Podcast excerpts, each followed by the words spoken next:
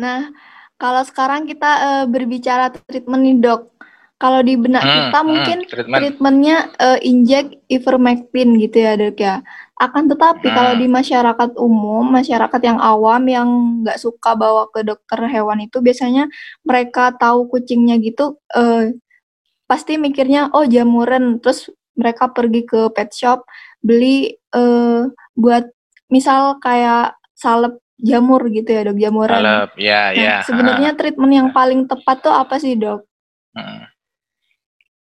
Oke, jadi kalau ditanya apa treatment yang paling tepat, kita kembalikan ke kondisi hewan tersebut. Ya namanya hewan sakit, ya sewajarnya ya atau semestinya ya dibawa ke dokter. Ya sama kan kalau kita kesakit kan berobat ke dokter ya. Meskipun beberapa ada yang kedukun kan itu, tapi kan secara ilmiahnya kan ke dokter gitu loh ya. Artinya biar ketahuan penyakitnya apa baru diobati. Nah itu Obati. jadi uh, uh, mungkin kalau kalau apa uh, Nuril ketemu tipe orang yang kayak gitu mungkin sembari kita bantu edukasi ya bahwasanya nggak apa-apa bawa aja ke ke dokter hewan. Kalau kita bandingkan masalahnya itu takut mahal dan sebagainya. Kalau mahal saya rasa enggak deh kalau ketimbang beli apa kayak sampo salep sendiri tadi. Heeh, enggak yeah. enggak sembuh-sembuh uh -uh. terus diulang dua tiga kali malah malah over budget juga. Malah jauh jauh dengan heeh, enggak enggak enggak tepat, malah malah salah kaprah gitu ya. Nah, berarti semestinya gimana? E, seharusnya memang kita periksa dulu ya dengan dengan teknik diagnosa tadi salah satunya scraping tadi kan sudah ketahuan positif baru dilakukan pendekatan obat ya pengobatan. Salah satunya dengan injeksi bisa. Tadi memang salah satu alternatif eh, preparat anti parasit ya ivermectin itu ya.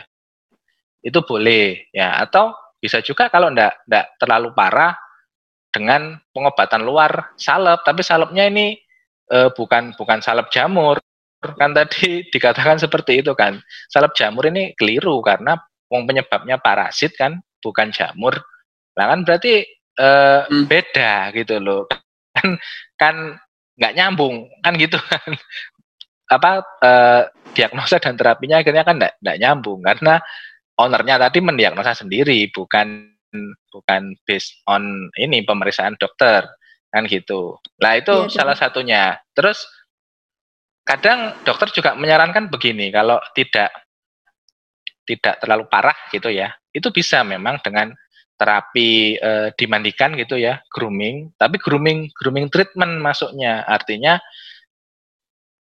memakai e, jenis sampo yang khusus atau ada kandungan obatnya. Ha -ha, ada kandungan obatnya itu. Nah ini ini juga tidak sembarangan ndak ndak bisa di diaplikasikan oleh orang awam, awam. atau owner ownernya hmm. sendiri ya karena kalau sampai terjilat kan bahaya juga kan kan itu iya bisa keracunan segala macam makanya eh, pendekatan terapi itu juga penting dilakukan tapi harus berdasar hasil pemeriksaan tadi ya. Sip. Berarti yang penting uh, untuk memastikan lebih tepat itu yang penting ayo ke dokter hewannya dok. Jadi slogan itu nggak salah biar biar ya nggak rugi-rugi sendiri, uang nggak habis, ternyata nggak tepat kan, kasihan kucingnya, kasihan uangnya. Betul. Gitu. Iya, malah ya bukan ini ya, malah malah kewajibannya memang harus diperiksakan dulu. Malah gini, kalau kasus yang saya sering temui itu lucu sebetulnya ya. Ini uh, agak buka rahasia gitu ya, agak buka rahasia. Uh, kalau iya ya di di memang di pet shop itu kan ada produk yang yang sekiranya itu memang ampuh lah ya kalau kalau kita bilang itu dengan preparat obat yang terbaru itu bisa diberikan lewat tetes. Jadi hmm. ada ada kutu gitu ya. Mungkin kalian tahu tapi enggak enggak saya sebut mereknya nanti kita kena UU ITE gitu. kena undang-undang ITE. ya, jadi dengan dengan satu tetes itu tadi itu kutu-kutu tadi pada ini sudah pada keracunan, pada mati semua gitu ya. Nah, ya. cuman e, permasalahannya adalah obat tersebut kalau saya lihat harganya sih relatif mahal ya, sekalipun hmm. konsum, konsumsinya untuk masyarakat perkotaan pun saya rasa masih tergolong mahal gitu loh ya. Rate rate harganya ya. di di kursnya rupiah itu. Nah, tapi banyak uh, peminatnya terutama kan kalau uh, seperti kalau kucing itu ini kan ya ada cattery gitu ya, cattery yang breeder yang bersertifikat gitu loh. Itu kan cenderung banyak menggunakan seperti itu. Nah, sekarang eh, anggap aja harganya sekitar ya 150 sampai 200 gitu ya untuk obat tadi diaplikasikan sendiri. Dan tidak tahu sebenarnya itu itu parasit atau enggak kan gitu kan. Nah, tapi kalau kalau ke dokter hewan ini sudah sudah anggap aja eh, total total biaya itu 100 ribu ya treatment tapi sudah plus eh, jasa diagnosa ya kan? Jasa konsultasi juga kalian bisa tanya-tanya langsung ke ahlinya gimana kondisinya gimana treatmentnya ini baiknya ya toh kan seperti itu. Lah berarti kan masyarakat ini memang apa ya masih pola pikirnya tadi masih eh, cenderung coba-coba gitu loh ya ngobati sendiri padahal hmm. kalau kita datang langsung ke dokter hewannya itu ya yang pertama asumsinya tadi salah semua. Yang pertama mahal, ya ndak, wong dibanding obat yang kalian beli sendiri mahal yang beli sendiri kan gitu kan. Hmm. Terus eh, apa? Diagnosanya lebih tepat jelas kalau ke dokter. Terus yang kedua kita bisa ini, ini tadi dengan dengan bebas gitu ya dengan eh, ada free konsultasinya gitu loh. Kita bisa dapat info langsung dari sumber yang terpercaya. Nah, itu kan saya rasa benefitnya lebih banyak gitu loh ya. Udah jelas ya dok, udah dijabarkan sama dokter Adit apa saja keuntungan kalau ke dokter hewan itu malah nggak apa ya yang ditakutkan itu malah nggak terjadi kalau misalnya ke dokter hewan. Oke, okay, tadi ya. kita bahas uh -uh. uh, tungau udah satu spesies yang sering banget yang dialami oleh teman-teman di rumah pada kucingnya.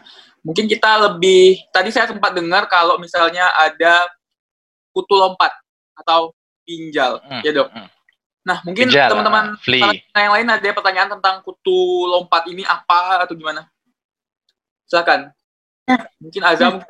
Ya, hmm. saya mau tanya dok. Ya, Tadi silakan. Memang sudah disebutkan kalau ada skabiosis kayak gitu ya dok, ada uh, apa hmm. namanya hmm. test Terus abis itu tentang kutu loncat atau pinjal. Nah, kalau uh, yang setahu saya itu salah satu pinjal itu kan uh, stenocephalides ya dok pada kucing stenocephalides ya, betul, pada kucing. Uh.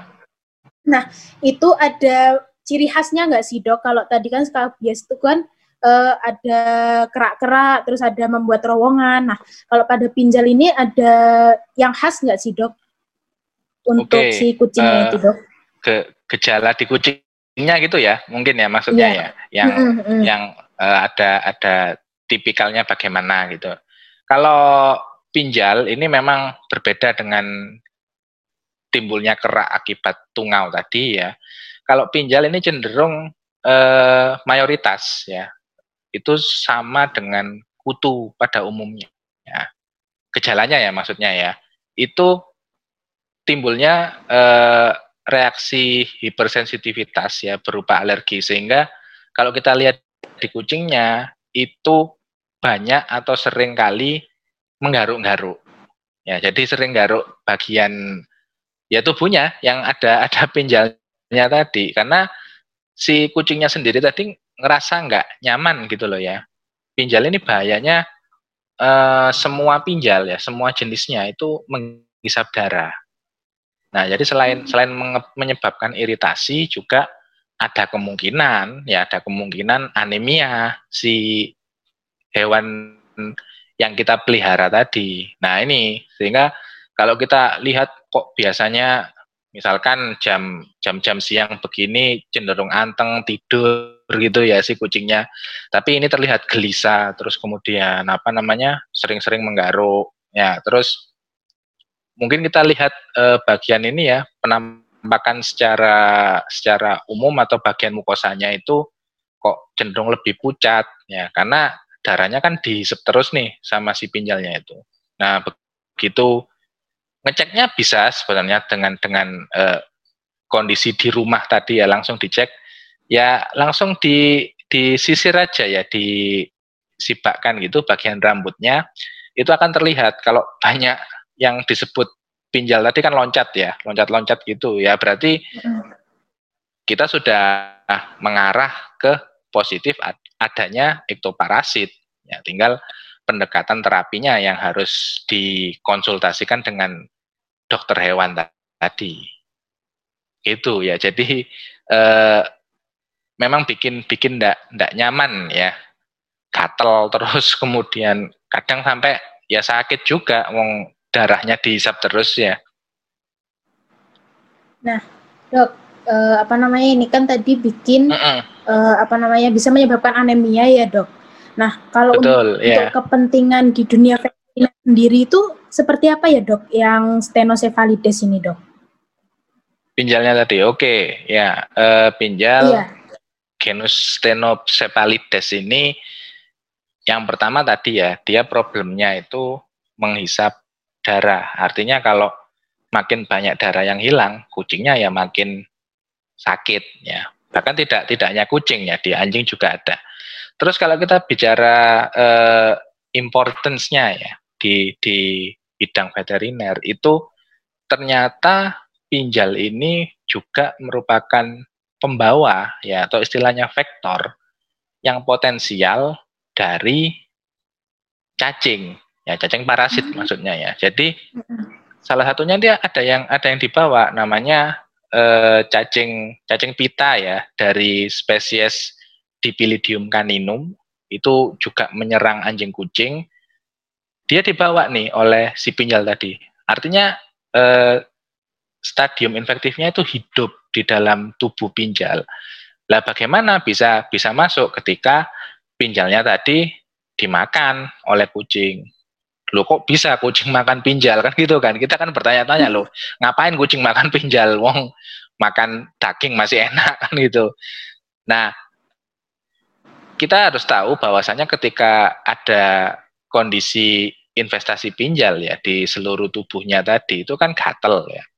Gatel ini cenderung garuk. Tapi ingat kebiasaannya kucing itu kan juga dia bisa self grooming ya dengan cara menjilat-jilat bagian ya seluruh tubuhnya yang pokoknya yang bisa dijilat itu. Lah ketika menjilat ini ada kemungkinan eh, si pinjal yang ada pada bagian dalam rambut tadi ya ikut ikut tertelan gitu loh ya, tertelan. Nah, kalau tertelan itu bahayanya bisa double ya, bisa ada kemungkinan cacing pitanya tadi ikut masuk gitu loh. Nah, jadi malah malah dua sekarang ada ada ektoparasit, ada endoparasit. Nah, ini ini yang apa mesti disadari ya terutama kalau kalau kita sebagai dokter hewan gitu ya kalau mendiagnosa ada cacing pita pada kucing, ya itu pasti berhubungan ya atau linear dengan ada atau banyak tidaknya ektoparasit pinjal tadi. Nah, begitu jadi ceritanya. Berarti eh, antara parasit eh parasit antara cacing dengan mm -hmm. si pinjal ini berarti tetap berhubungan gitu ya, Dok? Masih ya, jadi satu kesatuan gitu bisa, ya. Bisa Iya, bisa menularkan tadi, menularkan uh, hmm. apa namanya stadium infektifnya. Ya, skip. Nah, dok, tadi kan uh, treatment untuk yang skabies sama yang apa namanya noto address hmm. ya dok ya, kan sudah. Nah, kalau yeah. yang Aza tadi dok, ini pinjal yang uh, katanya tadi lompat-lompat gitu, itu treatmentnya apakah hmm. sama atau tidak dok? Oh ya, jadi pendekatan treatmentnya itu sama sebetulnya. Kalau kalau saya katakan e, sama tapi karena tadi bedanya begini karena tadi yang tungau itu cenderung hidup di bawah kulit ya sehingga e, efektivitas obat itu akan sangat bagus jika diberikan langsung dengan injeksi di bawah kulit ya dengan injeksi suputan itu eh, preparat antiparasitnya itu akan sangat efektif kalau tungau ya cenderung ke arah sana nih. Nah tapi kalau kalau kondisinya pinjal ini kan dia kan enggak enggak nggak masuk ke dalam kulit kan, nggak ngerong ya, cuman di batas luar luar permukaan tubuh tadi. Nah, berarti pendekatan treatmentnya ini lebih mengarah yang uh, grooming treatment tadi ya. Jadi bisa kita kita mandikan dengan uh, sampo khusus gitu ya dan berkala ya berkala. Karena biasanya uh, dengan satu kali dimandikan itu masih beberapa stadium dewasanya memang sudah keracunan ya sudah mati. Tapi telur-telurnya ini kan suatu saat kan akan menetas lagi ya. Makanya perlu dilakukan uh, repeat atau pengulangan dari treatment tadi secara berkala sampai kapan ya sampai tuntas sampai sampai bersih kan gitu kan tapi kalau memang terlalu parah banget gitu ya terlalu banyak sekali uh, pinjal yang ada di tubuhnya si hewan kucing itu bisa saja kita lakukan kombinasi ya. Jadi hmm. setelah pasca dimandikan gitu ya, sudah uh, sudah kering, sudah adaptasi, sudah kondisinya kucingnya juga tidak stres, sudah sudah nyaman, begitu baru kita combine dengan injeksi. Ini juga juga uh, efektivitasnya juga baik ya. Jadi uh, bisa dengan cepat uh, menanggulangi adanya ektoparasit tadi. Begitu. Oke, okay, baik dok. Berarti intinya sama uh, untuk penanganannya ini berdasarkan sama tingkat keparahannya ya dok ya. Betul. kita lihat dulu. Sip. Uh, menarik yang pinjal-pinjal ini karena dia juga bisa membawa penyakit yang lain yang lebih serius uh, juga sebagai faktor mm-hmm. juga karena dia bisa berdarah gitu ya dok. Nah, yeah, kita betul, kembali betul. ke pertanyaan teman-teman parasitina di, di rumah dok yang kemarin kita sempat share di Instagram ada okay. yang nanya huh? uh, yang uh, yang di telinga kutu yang di telinga itu oh, uh, yang di telinga itu kemungkinan saya lihat di di Google itu ada yang namanya autodectes. Nah, bedanya autodectes sama skabies ini apa ya, Dok? Atau ada spesifikasi lain yang bisa yang bisa kita ketahui sebagai pet owner dulu kalau misalnya ini hmm, yang autodectes, hmm. ini yang skabies sebelum kita ke dokter hewan. Gimana, Dok? Iya.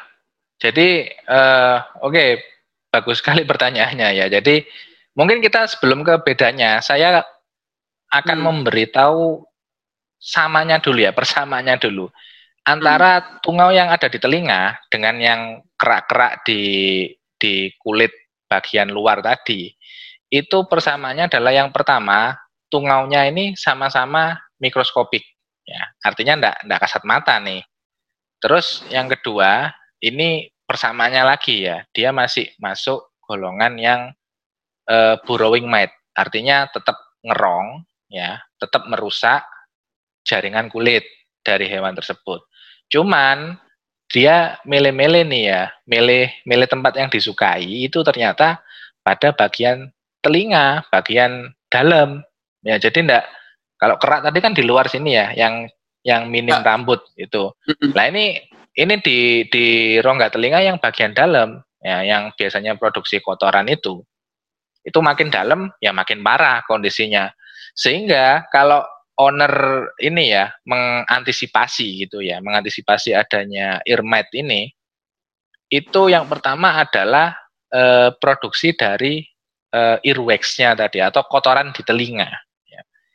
kalau kita pelihara kan tahu kan pasti kalau habis bersihkan terus hari ini gitu ya terus besoknya kok tiba-tiba udah kotor lagi nih ya bagian telinganya atau mungkin enggak enggak besoknya ya hitungan jam gitu kok kok keluar kotoran lagi. Padahal hmm. baru saja saya saya mandikan gitu ya. Saya mandikan saya bersihkan dengan dengan detail kok muncul kotoran lagi. Lah kotorannya ini juga cenderungnya ini ya cenderung eh, seperti kalau kalian lihat ini ya apa diibaratkan itu mungkin yang paling gampang itu ini ya kopi-kopi bubuk itu loh ya oh. agak agak kehitaman hitam kecoklatan hitam, gitu ya uh, uh, uh. tapi hmm. tapi uh, mengarah ke kondisi yang kering ya kering jadi ya semacam kopi bubuk jatuh gitu dari dari rongga telinga gitu dari lubang telinganya itu nah itu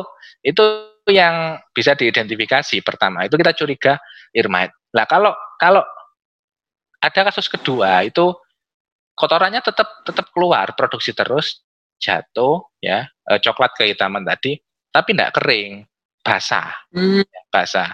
Nah ini kita e, harus lebih ini lebih waspada lagi, lebih aware lagi. Kenapa? Karena kalau sudah kondisinya basah, ya ada e, semacam cairan gitu ya, agak lembek gitu, ini pasti sudah disertai infeksi sekunder dari bakteri. Ya. Kenapa kok bisa seperti itu? Lah kan jaringannya tadi kan rusak, di digerogoti kan teling, telinganya bagian dalam ini. Kan berarti ada luka terbuka. Nah, bakteri dengan sangat gampang sekali masuk ke luka tersebut. Jadi, iya, gitu. Jadi uh, uh, malah nambah lagi masalahnya ada infeksi primernya udah tungaunya masuk, sekundernya ketambahan sama si bakteri gitu. Oke. Sip. Jadi uh, untuk uh, teman-teman tadi yang nanya, mungkin udah jelas ya ciri khasnya dulu sebelum kita ke dokter hewan. Oh, mungkin ini kucing saya kena ini, mungkin kucing saya kena ini. Dan yang lebih pastinya adalah kita penting yang harus kita lakukan adalah ke dokter hewan untuk mendapatkan treatment dan diagnosa yang tepat. Mm -mm. Betul sekali. Okay. Next, mungkin ada pertanyaan lain? Ada mm. anak mm. kemungkinan anak FKH juga bertanya di IG kerja ivermectin itu sebenarnya kayak gimana sih dok? Ke tungau-tungau ini kok bisa langsung bisa mati? Padahal kan dia di bawah kulit juga gitu itu bagaimana? Mm -hmm. bisa dijelaskan. Oh gitu. Ya kalau kalau preparat ivermectin itu memang bentukannya kan uh, injectable ya. Jadi injeksi kita berikan lewat suntik ya suntik. Yang boleh nyuntik tentunya dokter hewan kan gitu kan bukan bukan pet owner. Nah Kenapa kok bisa bisa efektif gitu ya membunuh parasit ini uh, secara ini ya kalau saya jelaskan detail nanti jadinya kuliah farmakologi gitu ya. Tapi coba ini saya sederhana, sederhanakan gitu ya. Jadi cara kerjanya uh, si preparat ivermectin atau obat ivermectin itu ada hubungan dengan uh, koneksi dari sel-sel saraf parasitnya. Ya, jadi bukan bukan sel saraf kucingnya loh ya, tapi parasitnya. Nah, begitu ivermectin masuk, ya dia kan masuk di bawah kulit nih. Sedangkan si tungaunya itu juga makan jaringan kulit. Nah, berarti kan ketika obat masuk, si tungaunya, parasitnya ini makan jaringan yang mengandung obat. Nah, kan gitu kan gampangannya, mengandung mengandung uh, epitel kulit yang sudah ada ivermectinnya. Nah, berarti secara langsung ivermectin masuk ke dalam tubuhnya tungau ya atau ektoparasit tadi.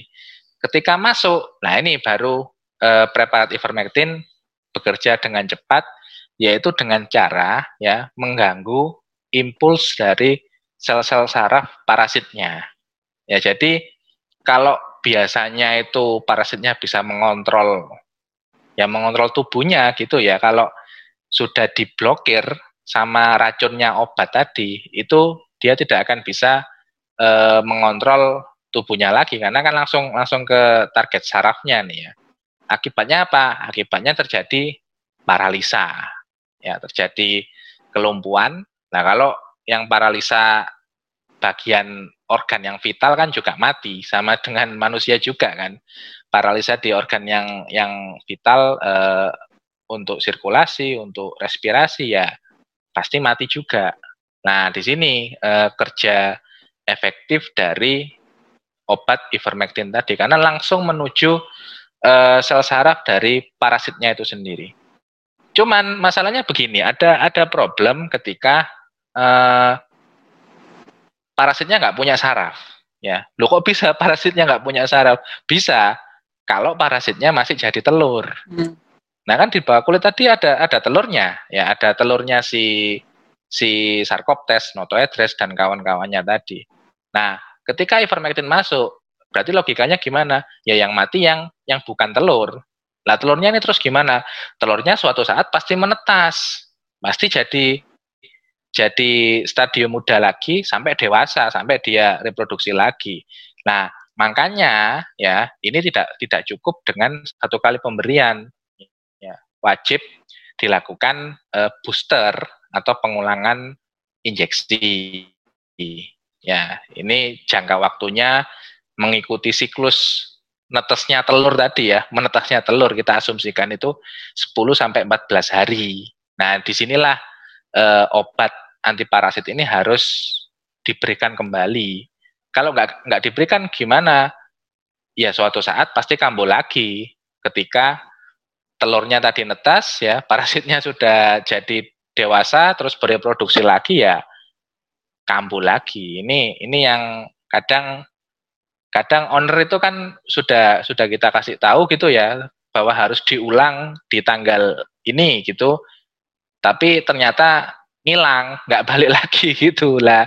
Suatu saat kambuh baru baru balik ya dengan ya kalau masih terima enggak apa-apa, tapi kalau kadang dengan protes gitu kan kita kan juga repot padahal kan kita sudah mengingatkan gitu loh. Hmm, Nah itu. Jadi ada hubungan dengan dengan uh, onset atau cara kerja obat. Terus yang kedua ada hubungan dengan siklus hidup. Nah ini yang yang perlu dipahami kalau kalau kita nanti uh, sebagai dokter hewan atau mungkin uh, seperti para mahasiswa juga perlu paham ini ya konsep dari dari terapinya ini. Nah, Dok, eh, tadi kan sudah menyebutkan tentang cara kerja, terus mm -hmm. apa namanya? tentang penyakit yang bisa disebabkan sama ektoparasit ya, Dok. Itu kan lumayan berbahaya nih mm. untuk para owner eh, anabul-anabul ini. Nah, eh, untuk pencegahannya gimana, Dok? Misal nih, misal eh, apa namanya ada yang baru mau adopsi kucing. Nah, untuk pencegahannya supaya nggak kena ektoparasit itu seperti apa ya, Dok? Ya, jadi pencegahan ya. E, kalau kita bilang pencegahan ke para anabul tadi ya, namanya kok anabul ya, kayak anabul kan anak anak anak berbulu anak gitu ya. Anak berambut. Padahal kan berambut. Nah, anabut, Orang Iya, kalau anak-anak berbulu ya burung itu, burung unggas, ayam itu ya berbulu itu perlu kita luruskan itu ya nanti nanti kita ya nanti saya coba coba revisi ke ke apa owner-owner yang ada di komunitas benar, gitu ya anabut dong. kucing ini lah ya mestinya kan berambut ya oke ya. kita kita ke pencegahan tadi hmm. itu yang pertama ya yang paling gampang itu pastikan bahwasanya lingkungan tempat kita memelihara itu benar-benar bersih. Karena kadang begini, permasalahannya owner ini kemampuan eh, finansial ya maupun care-nya terhadap hewan tersebut itu beda-beda. Jadi ada yang memang sudah menyediakan tempat yang luas gitu ya, terus mungkin sering rutin dibersihkan segala macam. Ada yang tempatnya apa adanya nih, ditaruh eh, kandang yang sempit gitu ya, yang, yang luasnya kurang, terus kemudian kayak tempat makan, minum dan sebagainya itu juga jarang dicuci, ya toh. Artinya kan kotoran numpuk semua nih di situ. Nah tadi kan saya sudah bilang bahwasanya ada ektoparasit tungau itu memang awalnya ini dari lingkungan yang nempel ke hostnya atau induk semangnya. Lah kalau suatu saat terjadi terjadi seperti itu, lingkungan yang kotor ini pasti sangat mendukung dengan uh, apa terjadinya penularan ini. Terus yang kedua ya perhatikan uh, tempat di mana hewan kucing kita itu yang kita pelihara itu mainnya ke mana aja. Ya karena begini kalau uh, si kucing-kucing tadi cenderung di lingkungan yang tanah gitu ya memang kucingnya indoor ya kayak jenis-jenis uh, kucing rumahan Persian ya kan dan kawan-kawannya itu kan memang peliharanya cenderung di dalam rumah. Tapi kan kadang ada owner yang tipikalnya uh, free roam gitu ya uh, ngelepas kucingnya gitu ternyata memang maksudnya baik biar biar nggak nggak terlalu stres di dalam kandang. Tapi ternyata ketika dilepas kucingnya mainnya di taman mungkin ya taman rumahnya gitu. Nggak sampai ke jalan sih tapi di rumahnya ada taman.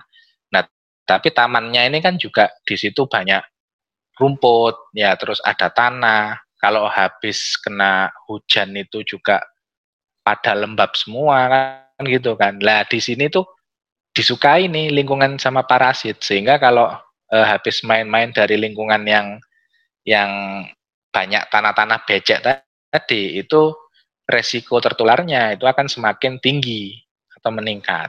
Nah, sehingga uh, untuk para owner mungkin bisa di ini ya, bisa dibatasi gitu ya, bahwasanya kalau lingkungannya memang nggak baik untuk untuk tempat bermain ataupun makan atau minum ya ya sudah kita kita stop dan kita bersihkan jangan sampai si kucing tadi kontak dengan lingkungan yang memungkinkan adanya ektoparasit hidup di sana. Mm-hmm. Ya itu itu paling gampang. Jadi uh, apa uh, ya sering-sering bersihan lah intinya. Oke dok. Uh, udah jelas pencegahan dari uh, saran-saran pencegahan dari dokter Adit. Um, dan udah nggak kerasa kita udah puluhan menit dok, udah mau sejam kayaknya kita diskusi. Oh iya ya. ya udah mau sejam. Jadi Saking tidak terasa dengan uh, menariknya topik yang kita angkat hari ini. Nah, untuk teman-teman semuanya sudah jelas kalau misalnya ektoparasit itu banyak jenisnya, ada yang kutu, pinjal, caplak, tungau, dan yang oh, paling uh. ya, yang paling menarik adalah semua gejalanya itu hampir sama. Nah, yang paling penting adalah untuk memastikan itu memang perlu diagnosa yang lebih tepat, memang perlu pemeriksaan yang lebih tepat kepada dokter hewan. Jadi jangan takut ke dokter hewan, jangan jangan suka uh, sok tahu sendiri searching searching apalagi di Twitter atau Facebook itu banyak banget uh, kaum kaum yang sok toy ini apa ini apa langsung dikasih obat padahal dia bukan dokter hewan jadi jadi jadi harus diantisipasi hal-hal begini uh, semoga dengan podcast yang singkat yang cukup panjang sebenarnya bukan singkat yang cukup panjang ini bisa memberikan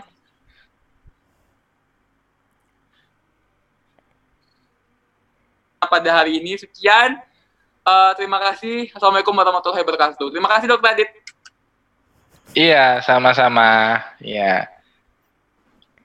Ketemu lagi di See you on the next podcast. Iya, podcast podcast berikutnya.